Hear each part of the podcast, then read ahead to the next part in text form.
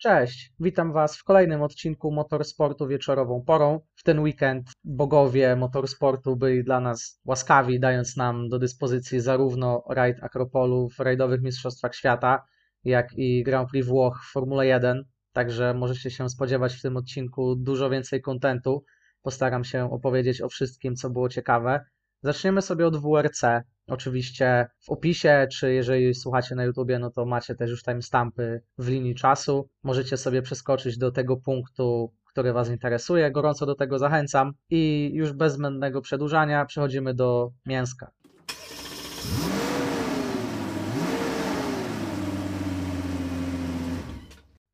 Jak już tego słuchasz, chciałbym Cię serdecznie poprosić o obserwację i ocenę podcastu na Spotify oraz subskrypcję i polubienie na YouTube. Zajmie Ci to mniej więcej tyle czasu, ile trwa ten przerywnik. Bardzo Ci dziękuję, lecimy dalej.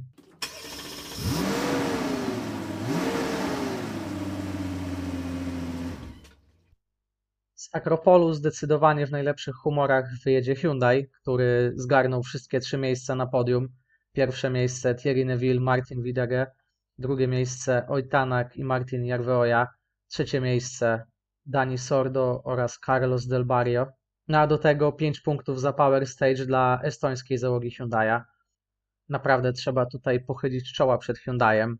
Jak wiemy, niezawodność w ostatnim czasie nie była ich mocną stroną, a tutaj w rajdzie, w którym liczyła się przede wszystkim niezawodność, zdominowali stawkę i zmietli z powierzchni ziemi M-Sport i Toyota.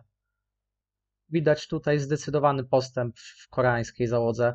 Do końca sezonu pozostały jednak tylko trzy rundy. Oitanak traci do Callero Vanpery 53 punkty, a Hyundai do Toyoty 63. Toyota musiałaby zaliczyć w Nowej Zelandii podobny weekend jak obecny, aby sytuacja w klasyfikacjach została postawiona nieco bardziej na ostrzu noża. No zobaczymy, czy w ogóle dojdzie do tego. Teraz Toyota ma kilka tygodni na pozbieranie się, na odnalezienie sposobu, jak wrócić do akcji. Szczerze mówiąc, nie sądziłem, że Toyota może się tak posypać, no ale do Toyota jeszcze wrócimy. Teraz mamy kwestię poleceń zespołowych w Hyundaiu, która też jest bardzo ciekawa. Oit Tanak oczywiście jest w klasyfikacji generalnej Mistrzostw Świata przed Thierrym Nevillem i już chyba tylko on ma realne szanse na powstrzymanie Calero Vanpery przed zdobyciem swojego pierwszego tytułu mistrzowskiego. Dużo osób spodziewało się, widząc 1, 2, 3 da Hyundai'a, że załogi zostaną zamienione miejscami, że jednak Ojtanak będzie w stanie zdobyć komplet punktów, zdobyłby 30 punktów, wliczając oczywiście sytuację, w której wygrał Power Stage. Zamiast tego zdobył 23 punkty, no i żeby się nie okazało na koniec sezonu, że zabraknie tych kilku punktów, myślę, że wtedy Hyundai wyszedłby na naprawdę największych frajerów. No ale decyzja kierownictwa odgórnie zapadła taka, aby utrzymać dotychczasowy kształt klasyfikacji, czyli Neville przed Tanakiem, no i Dani Sordo, który raczej tak nie miałby podjazdu do pierwszej dwójki, no ale nawet jeśli to grzecznie siedziałby za nimi. W mojej opinii taka decyzja zespołu była błędna i chodziło tutaj głównie o udobruchanie Thierry'ego Neville'a, który trochę zaczął tracić grunt pod nogami, nie wygrał rajdu od Katalonii 2021. Oczywiście miał okazję przynajmniej podczas rajdu Ypres, no ale wszyscy wiemy, co się stało.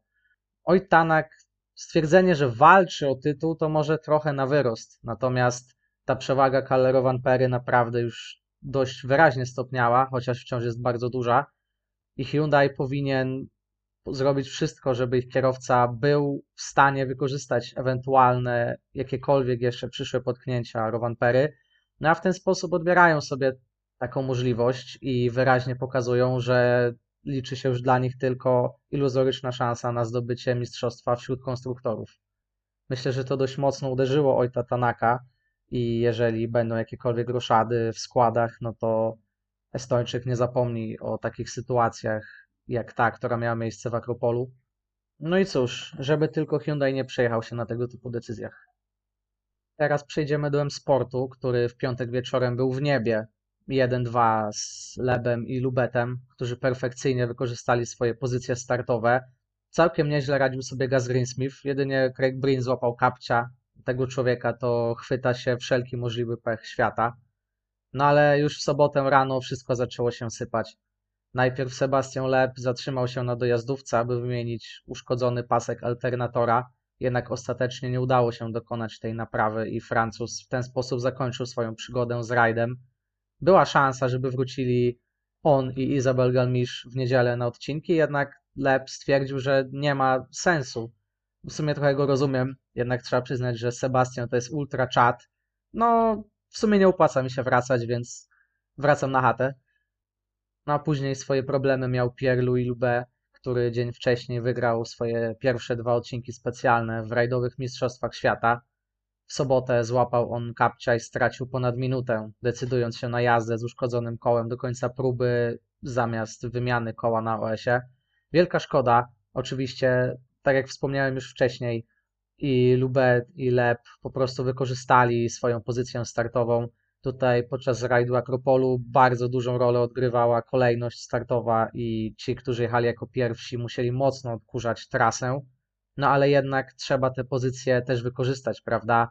Lubet bił się o prowadzenie, przegrał to prowadzenie w piątkowe popołudnie o włos z Sebastianem Lebem, który cisnął na 100%.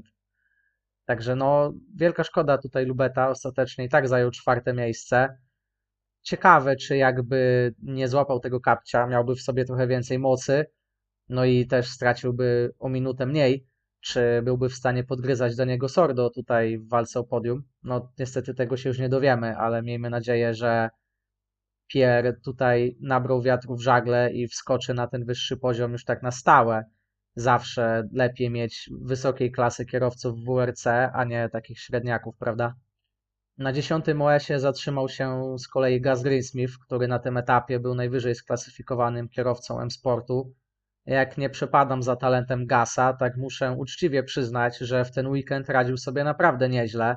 Był praktycznie w walce z Elfinem Evansem na poszczególnych OS-ach, meldował się w pierwszej trójce i cóż, no też problemy z samochodem, najprawdopodobniej z silnikiem, z tego co pamiętam. No i dramat sportu rozwinął się kolejny raz. Wielka szkoda tego zespołu. On dostaje ciosy praktycznie z każdej strony. Czasami jest to ich wina, czasami nie, ale ilość problemów, które dotykają tę ekipę, jest wręcz nieprawdopodobna. To, że ostatecznie udało się zaliczyć czwarte i piąte miejsce w tym rajdzie, to jest jakiś cud, no i efekt tego, że inni mieli po prostu jeszcze większe problemy. Jest tutaj światełko w tunelu, że ta Puma naprawdę potrafi jechać. Kierowcy, mam nadzieję, że Lube dołączy trochę do tej stawki mocniejszej. Brin, że po tym, jak teraz udało mu się zdobyć punkty, to też trochę odzyska wigoru. No bo szkoda by było kontynuować złą pasę. Niech Akropol będzie odbiciem, niech w Nowej Zelandii także pójdzie im dobrze. Bo czemu nie? O dziwo, w temacie Toyoty nie mamy tym razem zbyt wiele do powiedzenia. Był to pierwszy rajd od naprawdę dawna, w którym Toyota kompletnie się posypała. SAP Kalapi, Elfin Evans z awariami, Callerovan Pera popełnia błąd. Dla wielu kibiców może to być zaskoczenie, jednak ludzie, którzy pamiętali dawne rajdy Akropolu, od początku podkreślali, że może się tutaj sporo dziać. Jeżeli gdzieś Rowan Pera, a także cała Toyota ma stracić kolejne punkty, to jest to dobre miejsce do tego typu sytuacji. No i jestem ciekaw, jak Toyota poradzi sobie z tego typu wydarzeniami, ponieważ w ostatnim czasie mieli jednak bardzo mocny samochód, raczej omijali takie poważniejsze problemy jako cała ekipa. No a teraz stoją przed obliczem wyzwania, któremu muszą sprostać, jeżeli chcą potwierdzić swoją rolę i swoje miejsce jako najlepszego zespołu w WRC. Teraz też okaże się, czy psychika Callerovan Pery jest jednak już na tyle mocna, aby wytrzymać sytuację, która zaczyna się klarować w klasyfikacji generalnej. Wydawało nam się już, że to jest po mistrzostwach. No, Kalle miał tutaj zostać najszybciej mistrzem świata, bo najmłodszym to uważam, że i tak zostanie. Tutaj nie ma zbyt wielu dyskusji, ale miał okazję wygrać ten tytuł najszybciej. No i nie udało się. Walka wędruje do Nowej Zelandii. Jeżeli sytuacja z Akropolu i z Belgii się powtórzy, a Tanak znowu będzie na podium, no to już Hiszpania i Japonia będą naprawdę, naprawdę interesujące. Jeżeli Craig Breen jest pechowcem, no to Elfin Evans także musi być w gronie ogromnych pechowców. Rano, w niedzielę, awaria, turbosprężarki i koniec marzeń o czołówce, no to zdecydowanie nie jest sezon Elfina i myślę, że sam Walijczyk chciałby już zakończenia tego roku i walki w sezonie 2023. SAP Kalapi długo trzymał formę, długo trzymał mocne tempo tutaj w Grecji, no ale jego też nie ominęły problemy. Myślę, że Sapekka zasługuje na fotel w pełnym sezonie w przyszłym roku. Zobaczymy, czy taką decyzję podejmie Toyota. Takamoto Katsuta był szósty. Co ciekawe, Japończyk nie był zgłoszony jako jeden z samochodów do punktowania pierwszego zespołu Toyoty, tylko jako ten drugi zespół, więc w efekcie odebrał trochę punktów Kalle Rovanperze i SAP Lapiemu. No i co? Kto by pomyślał, że w tak trudnym sezonie dla Hyundai'a i tak dobrym dla Toyoty, to właśnie teraz dojdzie do pierwszego tripletu koreańskiej ekipy w jej historii. No, ten sezon ma jednak swoje niespodzianki, trzeba przyznać. Teraz jeszcze na szybko chciałbym poruszyć temat samej charakterystyki rajdu Akropolu i odcinków specjalnych, które mieliśmy okazję oglądać przez ten weekend. Ostatnim wydarzeniem o podobnej charakterystyce w WRC był chyba rajd Turcji. Jestem ciekaw, jak postrzegacie tego typu rundy w Mistrzostwach Świata. Z jednej strony można powiedzieć, że rządzi tutaj swego rodzaju losowość, co nie ma wiele wspólnego z uczciwą rywalizacją najszybszych załóg na świecie. Z drugiej strony ktoś jest tutaj w stanie wygrać, przetrwać trudne warunki i uniknąć przebijanych opon. Według mnie takie rundy są potrzebne w kalendarzu, nie chciałbym oglądać wyłącznie gładziutkich szutrów w stylu Estonii czy Finlandii, albo tylko asfaltów, gdzie w zasadzie do takiej sytuacji jestem bardzo daleko. Jestem jedynie zaskoczony, tak jak już wspomniałem wcześniej, że akurat tutaj Hyundai, którego kruchość była często wyśmiewana, zdołał wygrać, a Toyota, która raczej była uznawana za pancerny samochód, rozsypała się kompletnie. No znowu, sezon pełen niespodzianek. W drugiej części tego podcastu porozmawiamy sobie chwilę o wyścigu o Grand Prix Włoch na torze Monza, który niestety zakończył się w totalnie antyklimatyczny sposób. Skandalicznie długo sędziom zajmuje podejmowanie decyzji o samochodzie bezpieczeństwa lub o wirtualnej neutralizacji. Po wycofaniu Daniela Ricardo sędziowie spóźnili się o jakieś pół okrążenia, a później i tak nie udało się wznowić rywalizacji więc kierowcy przekroczyli linię mety za samochodem bezpieczeństwa. Kompletnie antyklimatyczne zakończenie tego wyścigu. W mojej opinii można było podjąć decyzję o wywieszeniu czerwonej flagi. Oczywiście Charles Leclerc w czystym tempie i przy tej strategii tak nie miał podjazdu do Maxa Verstappena, no ale tak pozostał niesmak.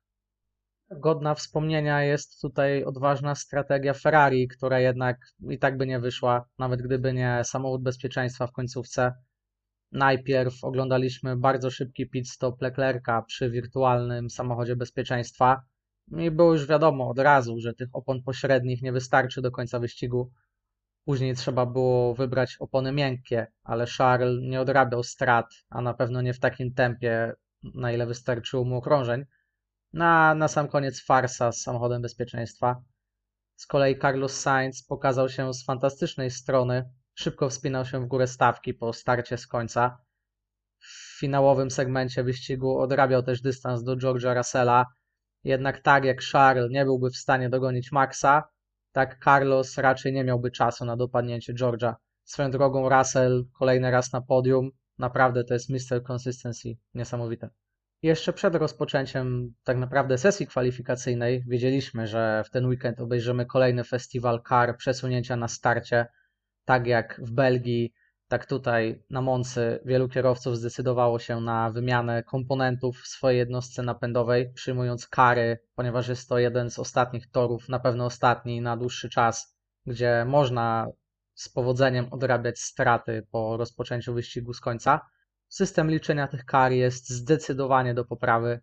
Jest to niedopuszczalne, aby sędziom debata nad kolejnością startową zajmowała 3 godziny miejsca na starcie z uwzględnieniem przyznanych kar były tutaj rozłożone inaczej niż w Belgii.